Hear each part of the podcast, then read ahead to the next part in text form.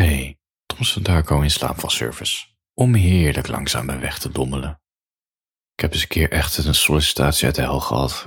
Mijn eigen, mijn eigen... Ik gooide mijn eigen glazen in, laat ik het zo zeggen. Daar ga ik straks over vertellen. Maar eerst even iets anders voor je gaat slapen. Ik las een stukje dat... Je hoort wel eens dat mensen in een soort gekke, in een waanillusie zitten, toch? Ik heb het niet over complot uh, gekkies. Dat de aarde plat is en zo. Ik heb het over mensen die denken dat ze de messias zijn of dat soort dingen. Of dat ze achtervolgd worden. Gewoon, het is gewoon heftig. Weet je, je zit in een soort psychose.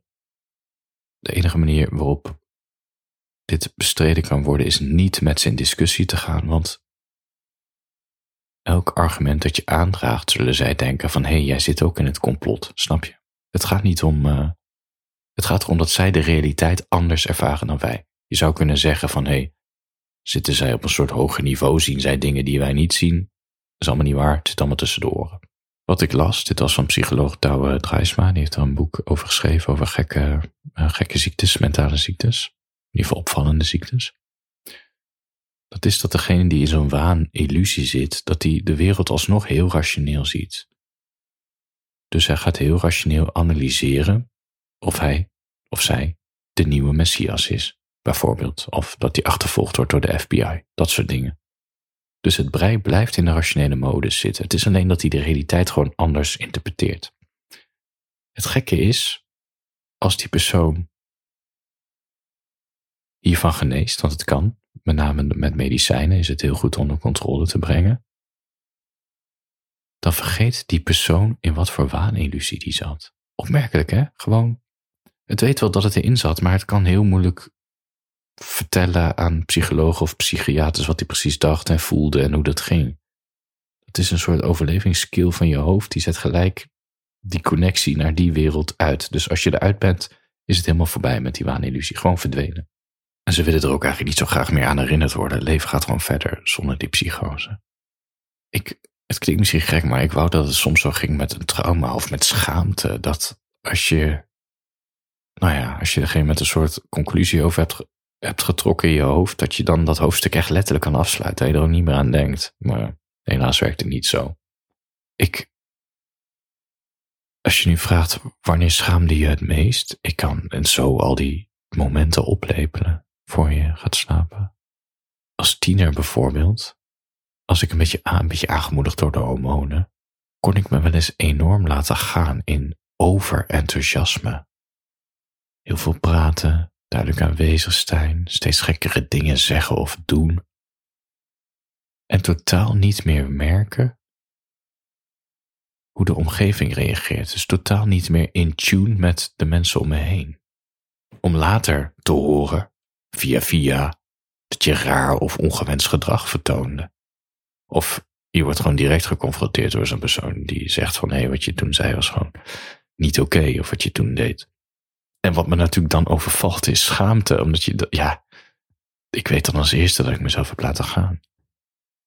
En dat er blijkbaar een mechanisme miste die zei van, hé, hey, Thompson, doe even relax, je zit wel heel hoog in je energie en in je aanwezigheid. En nu ik dit zo tegen jou zeg, denk ik dat die schaamte, mijn eerste schaamteherinnering, niet eens van de middelbare school is. Volgens mij was het de basisschool groep 8 op kamp. Ik weet niet meer, ik kan me nog heel goed herinneren dat in de slaapkamer van de meiden op kamp stonden allemaal van die stapelbedden. De jongens waren verdeeld in twee kamers. De meiden zaten volgens mij allemaal op één kamer. En overdag, toen we waarschijnlijk een uurtje voor onszelf hadden, was ik daar.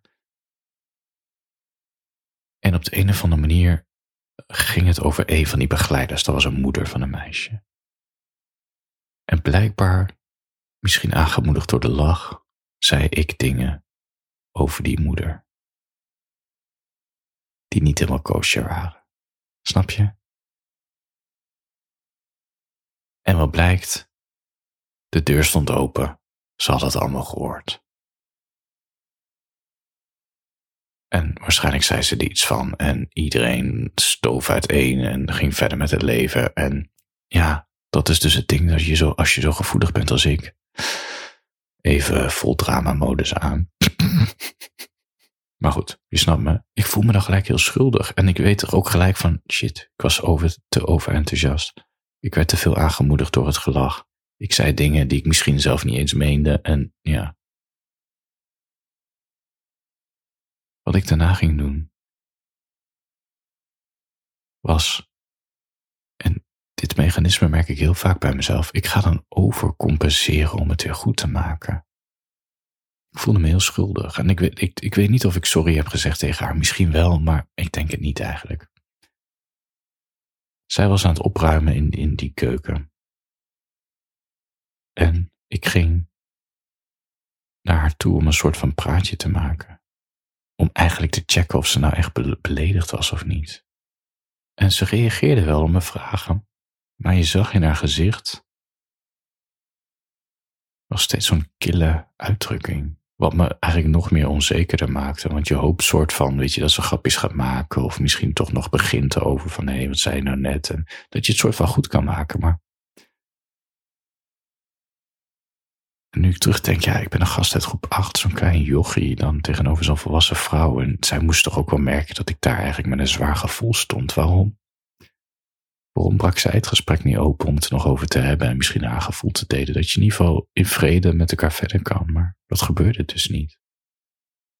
Voor je gaat slapen. Ik heb het ook wel eens, ik heb het ook, ik heb best wel vaak gehad op de middelbare school.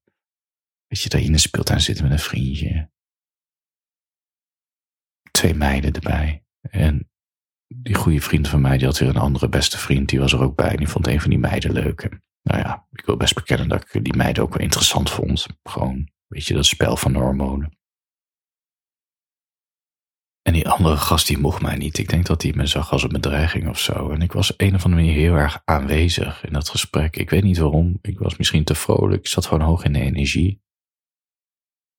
En dan achteraf hoor je van die beste vriend van mij. Nou ja, die gaat dan ongefilterd zeggen wat die andere gast van mij vindt. Weet je, dat ik te aanwezig ben en dat, ik en dat, dat, dat hij me er niet bij wil hebben. En dat ze dus nu met die meiden gaan afspreken zonder mij. Oei, oei, oei. Ik heb echt de hele nacht wakker gelegen hiervan. Echt de hele nacht. Ik kan me gewoon die nacht nog zo goed herinneren. Het bleef maar doorgaan in mijn hoofd. Draaste maar door. En ik, ik begon, mijn hart klopte. Ik begon te zweten. Ik, ja, tintelingen in mijn handen. En je blijft maar in cirkels denken en, en je voelt je, ik, ik werd rood en ik verstopte me onder mijn kussen. En uiteindelijk kwam die rationaliteit wel terug dat ik het gewoon oneens was wat, wat hij tegen me zei. Maar deze gedachte die overheerste denk ik het meest, dat was van, ik wou dat er een tijdmachine was en dat ik mijn leven opnieuw kon doen, zodat ik deze emoties niet hoefde te voelen, zodat ik dus ander gedrag zou vertonen bij wat er gebeurd was. En het meest gekke is als ik terugdenk aan die momenten dat ik heel erg aanwezig ben. Dat ik me wel heel erg mezelf voelde. Gewoon vrolijk en heel extravert. Ik ben een introvert, maar gewoon een extraverte versie van mezelf. Het voelde goed en ik vond mezelf grappig en gevat. En normaal ben ik de stille in de groep, maar nu had ik eens een keertje, eiste ik eens een keertje de aandacht op. Maar ja, een of andere manier. En misschien is dat mijn blinde vlek. Als ik in een extraverte energie zit, is dat ik onvoldoende zie hoe de groep reageert. En blijkbaar reageer ik altijd op een soort manier dat een of andere manier mensen toch aanstoot aan me nemen of beledigd zijn. En ik wou dat ik nu kon zeggen dat ik dit in mijn tienerjaren achter heb gelaten, maar het overkomt me nog steeds.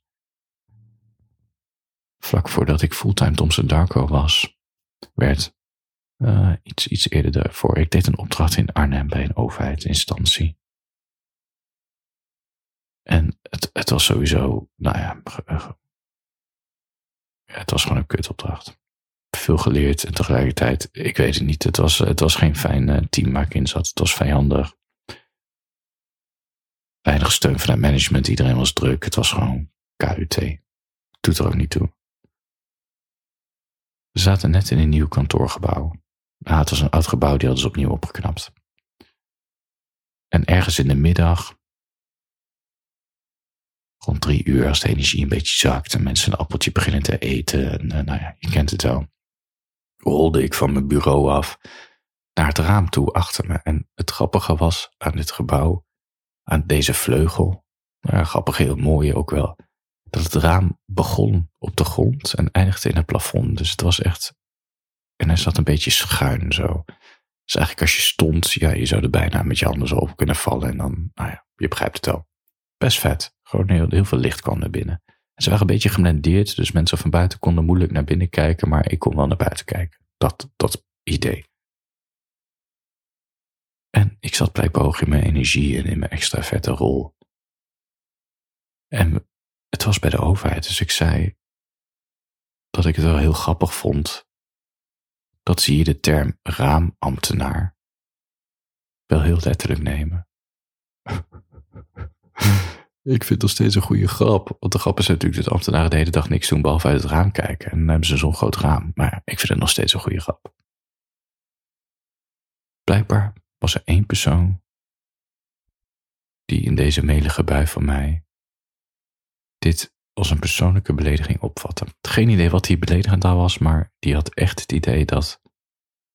En ik was in uur, dus dat zet me sowieso op achterstand. En opeens, weet je, we hebben het hier over volwassen mensen. Opeens word je week, twee weken later geconfronteerd met dat mensen over je roddelen, dat je negatieve grapjes maakt die echt niet kunnen, bla bla bla.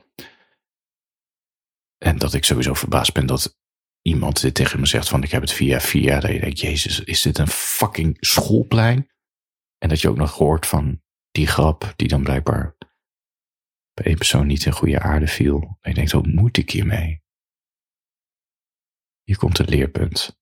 Oude Thompson zou in deze hoek gaan zitten nog een keertje en een beetje peilen of mensen echt zo negatief over me zijn. En als ik dan weet wie het is, dat ik dan een, ja, een gesprekje ga beginnen over niks in het bijzonder. En dan hopen dat toch op de een of andere manier het gesprek komt op raamambtenaren of grapjes. Zodat ik echt kan peilen of iemand heel ge nou ja, dat iemand me gewoon haat, eigenlijk. Maar ja, ik dacht ook, weet je, en dit is volwassen worden. Ik schaamde me, een klein beetje, omdat ik me te veel heb laten gaan, te kwetsbaar heb getoond, misschien een grapje gemaakt die niet heel grappig was, al vind ik hem zelf wel heel grappig, maar had ik het beter voor mezelf kunnen houden. Proberen ze anders over me te laten denken. Dat ik echt oké ben en gevoelig en rustig en intelligent, dat is gewoon verspilde energie. Volwassen worden is inzien dat andermans oordeel over jou toch echt hun probleem is. En dit is moeilijk, want die schaamtevolle gevoelens waren er nog steeds, maar je moet die knop omzetten, in ieder geval ik, ik praat eigenlijk tegen mezelf nu, om niet te gaan pleasen. Want diep van binnen voelde ik het natuurlijk wel, die afwijzing. Als 99 mensen lachen en één niet, ben ik dus dagen van slag omdat die ene niet lachte, maar die beledigd is. En ik weet dat niet iedereen zo is. Heel veel extraverte mensen denken, ah, fuck hun. Maar ja, ik zit toch wat anders in elkaar. En dan kruip ik weer onder mijn schild en dan ga ik heel stoïcijns zijn. En denk ik, ja, het heeft helemaal geen zin om, om mijn extraverte kant te laten zien. Want het wordt alleen maar tegen me gebruikt. En ik kan beter gewoon de stille, bedachtzame, vriendelijke, mysterieuze, verlegen man zijn. Ik beheers gewoon het spel van extraversie niet. Ik mis gewoon radars.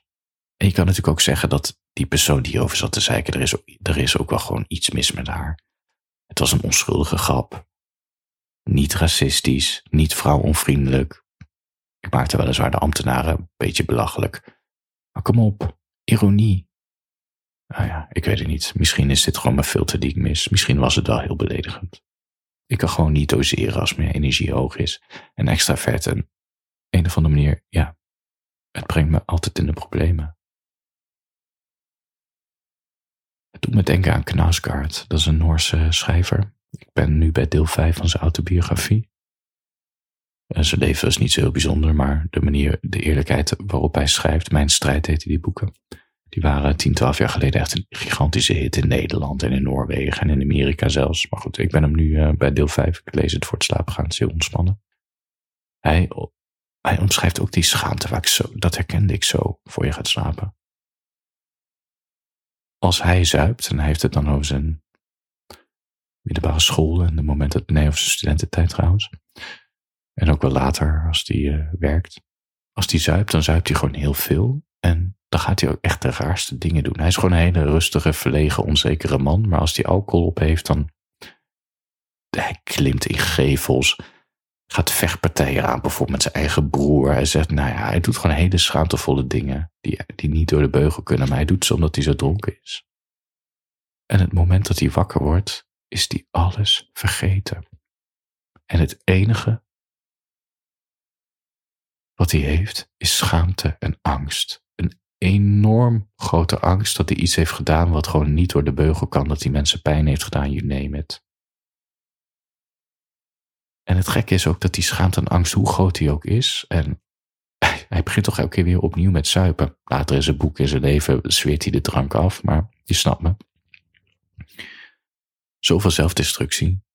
En hij concludeert heel mooi dat na een paar dagen, dat, dat die schaamte en angst, die, is gewoon niet te doen. Maar na een paar dagen is die weer verdwenen. En dan, nou ja, dan begint weer de, de cirkel opnieuw.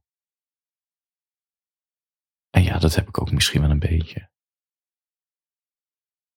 Hij heeft dan drank nodig om in die extraverte energie te komen, waarop hij echt heel zelfdestructief wordt. Nou, dat ben ik niet. Eh, ik ben meer in woorden dat er wat, uh, dat mijn grapjes wat ongenuanceerder worden of zo. Vraag me ook wel af wat, wat mij trouwens in die hoge energie status brengt. misschien is dat nog een zelfanalyse waard. Maar die schaamte.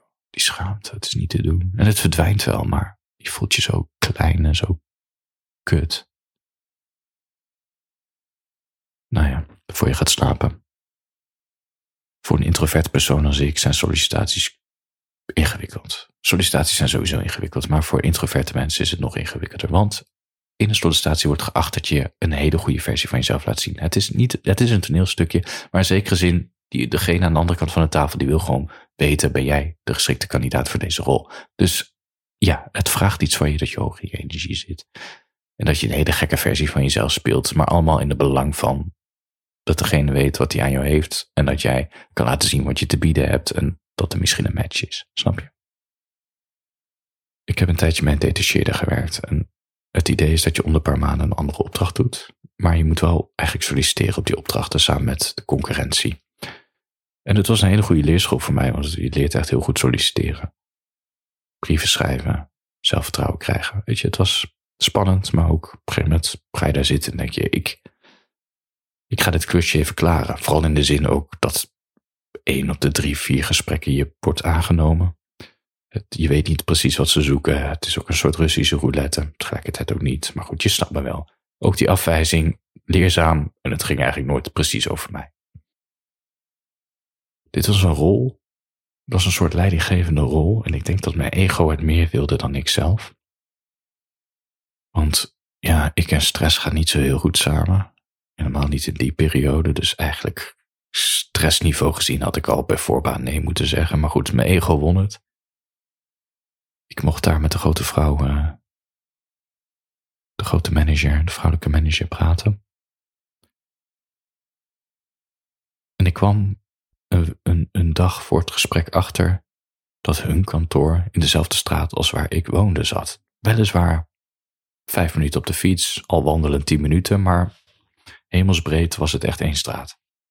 Ik heb me voorbereid op dat gesprek, probeerde hoog in de energie te komen, want ja, het, uh, het was een belangrijke rol. De vragen zouden kritisch zijn, die waren ze ook. Dat had ik, sorry, de vragen die ik kreeg waren ook kritisch, had ik ook verwacht. Ik loop daar naar binnen, verdieping omhoog, het, het zag er echt niet uit. Ik zag ook allemaal mensen zitten achter die computers met grijze, nou ja, met truien aan, allemaal lange gezichten. De sfeer was niet goed. In ieder geval wat ik zag in dat ene oogopslag. Ik, ik, ze hadden een soort, ja, een soort wat is het, een soort pantry heet dat geloof ik in kantoorjargon. Weet je, een uh, wasbak, en nou, wasbak, grootsteen, koffiezetapparaat, soepjes, dat soort dingen. Nou ja, daar, uh, ik ging maar thee drinken, want koffie maakt me...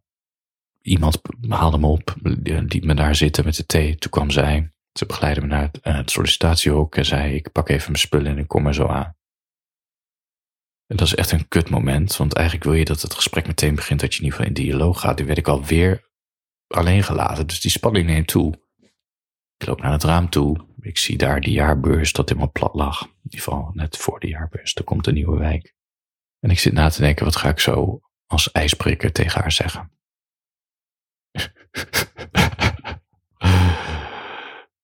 ze komt binnen. Ik weet niet wat ze precies zei, maar ik begin mijn goed weergesprek met, nou, dit, dit had ik niet gedacht toen ik bij deze detacheerde aan de slag ging.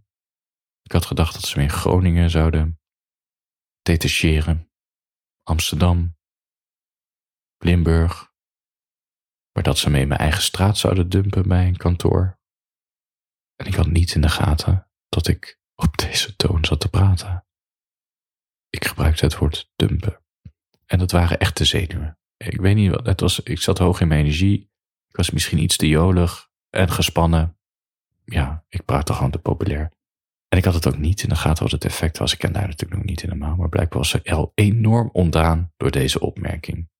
Tweede punt waar ze ook door ontdaan was, was mijn sollicitatiekleren. Ik had niet mijn overhemd en jasje aan. Normaal deed ik dat wel. Nu dacht ik, ja, geen idee eigenlijk. Ik had er wel over nagedacht. Ik dacht, ik ga iets. Ik ga, ik ga netjes, maar niet te netjes. Ik had gewoon een hele nette broek aan, mooie bruine schoenen. Geen sportschoenen onder, gewoon, het zag er goed uit. En ik had daar overheen een mooie rode trui. Echt, nou ja, gewoon netjes. Echt netjes. Niks casuals aan. Maar goed, blijkbaar had zij verwacht dat ik daar een driedelig pak of zo kwam. Terwijl ze zelf ook echt in zo'n geiten wollen jurk zat. Nou, zij zag er nog wel netjes uit, maar degene die ook bij het gesprek was, die zat er ook gewoon als zichzelf. En als ik nou naar al die werkplekken keek, het was helemaal geen formele plek. Iedereen liep daar hartstikke casual en saai rond. Het gesprek ging goed. Nee, serieus. Pittige vragen, maar ik had me goed voorbereid. Mijn antwoorden mochten er zijn, dus die hoge in energie heeft geholpen. En dat kreeg ik ook na afloop terug. Dat inhoudelijk gezien, ja. En blijkbaar die andere die erbij zat, ze had ook nog een andere kandidaat. Het ging tussen mij en iemand anders. Die vrouw die erbij zat, die had de voorkeur voor mij. Alleen die vrouwelijke manager, die was zeer, zeer, zeer, zeer, zeer ontdaan dat ik het woord dumpen of pleuren of weet ik veel wat zei. Toen ik geconfronteerd werd door, laat me zeggen, iemand van het detacheringsbureau waar ik voor werkte, kon ik het me eerst helemaal niet herinneren. Ik kon me echt niet herinneren, dus ik ontkende volledig. Iets verder in het gesprek zei ik, oh, er, gaat een, er is een kwartje gevallen. Volgens mij had ze het over voordat het gesprek begon. En ik zei, ja, sorry, maar ik heb het misschien inderdaad gezegd. Het waren gewoon de zenuwen. Ja. En daarna begon ze dus te zeiken over die kleren. Nou ja, toen zei ik, daar ben ik het gewoon niet mee eens. Wat een gezeur. What the fuck? What the fuck? Ik ben het dus niet geworden. Maar ik heb wel heel lang schaamte gevoeld. Echt best een tijdje. En het gaat aan twee kanten op, want rationeel gezien was ik het niet eens met de kritiek. Nou ja, wel met dat pleuren. Nou ja, dat kon niet. Weet je, dat woord moet je niet zeggen. Dat was gewoon stom. Maar het waren ook de zenuwen, weet je. Kom op, ik ben ook gewoon een mens, hè. Maar sorry.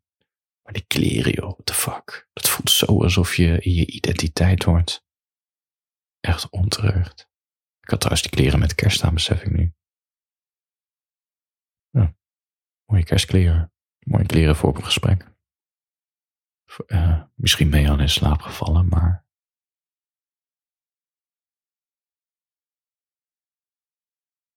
Het zou fijn zijn als je me appt of mailt en me laat weten wat je van dit gesprek vindt. En als je me wil steunen, koop een boekje store.zakkenkinner.eu of even naar thomsondarko.nl, zie je al die linkjes. En je kan me ook trouwens via je petje afsteunen, uh, krijg je elke dag een mailtje. Exclusieve spraakberichten, deel 2 van al mijn spraakberichten, dat soort dingen. Maar goed, dat gezegd hebbende, ja, je moet jezelf altijd promoten, anders uh, gaat het helemaal mis. Iemand moet het doen. Hè? Mijn punt is, denk ik, dat schaamte, schaamte is gewoon een heftig gevoel. En ik zou willen dat het was alsof je in een waanillusie zat en dacht dat je de Messias was en je bent genezen en je bent gewoon in één keer eigenlijk die hele waanillusie vergeten. Dat het ook zo met schaamte ging, maar dat is helaas niet zo. Het is een heftige emotie. En vaak hebben we het zelf niet in de gaten op het moment dat we het doen. Het is de confrontatie achteraf dat het niet in tune was met de omgeving, dat het zo schaamtevol Het gaat, schaamte gaat altijd over ons contact met de ander. En schuldgevoel gaat over iets in jezelf. Wat, wat je eigenlijk van jezelf niet mocht doen, maar je toch hebt gedaan, bijvoorbeeld. Dat is, schuld. Schaamte is uh, iets wat anderen vinden dat je niet mag doen. Ja. Het is wat het is, die zelfkennis. Ik vind die extraverte kant van mezelf best wel fijn, maar het is ook gewoon gevaarlijk. Het is glad ijs als ik me daarin op begeef. En misschien is het leerpunt wel dat ik die kant niet zo snel moet laten zien bij mensen die ik niet zo goed ken. Maar ja, daar kom je ook pas na tientallen jaren leven achter. Maar hé, hey, dat is ook het leven. Ik hoop dat je fijn slaapt. Handjes boven de tekens. En als je wil reageren op dit verhaal, mail me of stuur me een appje. In de show notes vind je mijn gegevens. Echt, ik vind het heel leuk als je reageert. Het is niet dat er miljoenen of duizenden mensen luisteren, dus ja. Oké, slaap lekker.